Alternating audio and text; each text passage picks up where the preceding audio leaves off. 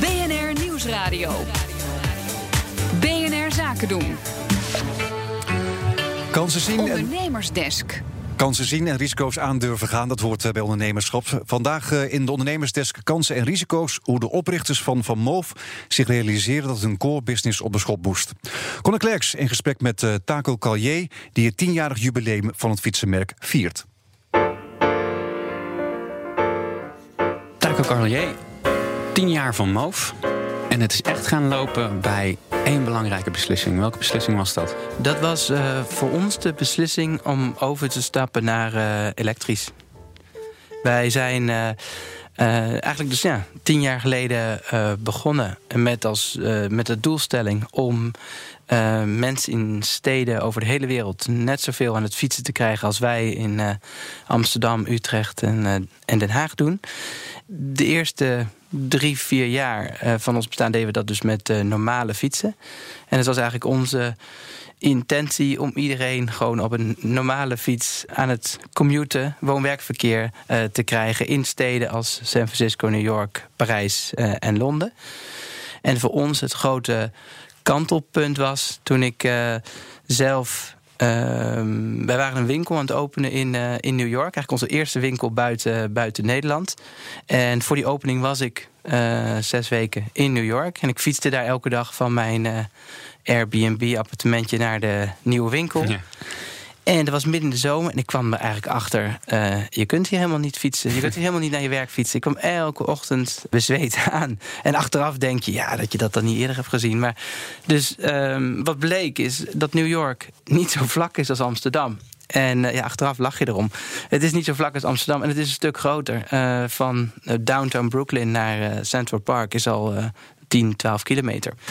En dat was eigenlijk de eye-opener van... hey, als we hier echt het fietsen eh, groot willen krijgen... dan moeten we elektrisch stadsfietsen introduceren. En dat is iets waar ik in Amsterdam zelf totaal niet gezien had. En dan zie je dat, dat er een heel nieuw, eh, ja, hele nieuwe markt eh, zich opent. Dat je, eh, als je goede elektrische stadsfiets hebt... dat je ineens in Parijs, Londen, New York, San Francisco en Berlijn... ook gewoon, net zoals wij in Amsterdam doen, naar je werk kan fietsen.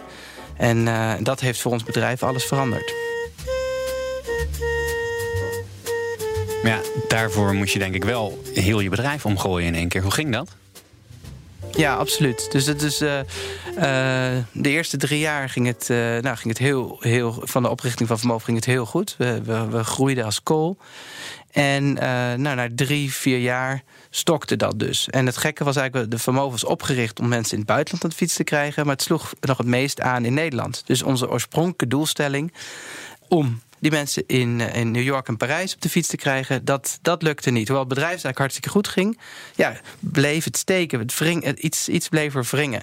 Dus toen hebben we besloten om het roer om te gooien. En ja, dat is een, een, een, een hele vlakke tijd geweest, waarbij we eigenlijk het hele, eh, waarbij de groei eruit ging. Eh, omdat wij het hele ontwerpteam en onze eigen aandacht focusten op de ontwikkeling van de elektrische fiets. Dus dat zijn we toen gaan ontwikkelen. Dat hebben we toen van eh, nou, 2012 tot 2015 eh aan gewerkt. En toen kwam in 2016 de S1. En vanaf dat moment ja, eh, groeide het bedrijf weer door. En vanaf dat moment zijn we eigenlijk elk jaar verdubbeld. En die, die groei lijkt erop dat die de komende drie, vier jaar blijft verdubbelen. Ja, toen ging het heel hard. Maar ik wil nog even terug naar het moment dat je dus zegt... eigenlijk gooien we nu helemaal het roer om. We gaan alles anders doen. En dan stokt dus eigenlijk de groei van je bedrijf. Dat lijkt me best wel een, moment waar waarbij je wel zenuwachtig wordt. Ja, heel zenuwachtig. En het was ook een hele, eh, hele heftige tijd. Waar je dus je eh, terug gaat naar de basis. Dat betekent ook wat, ehm, eh, ja, dat je wat van wat mensen afscheid moet nemen. Want je gaat je minder focussen op wat je deed. Ehm, dus dat was een, een, een hele bijzondere, heftige tijd. Waar ook een, een- ja, je.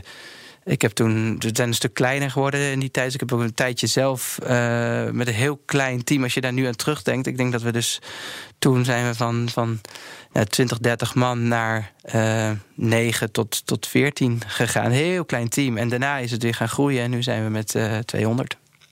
En hoe zeker was je toen je die beslissing maakte dat dat ook de juiste was?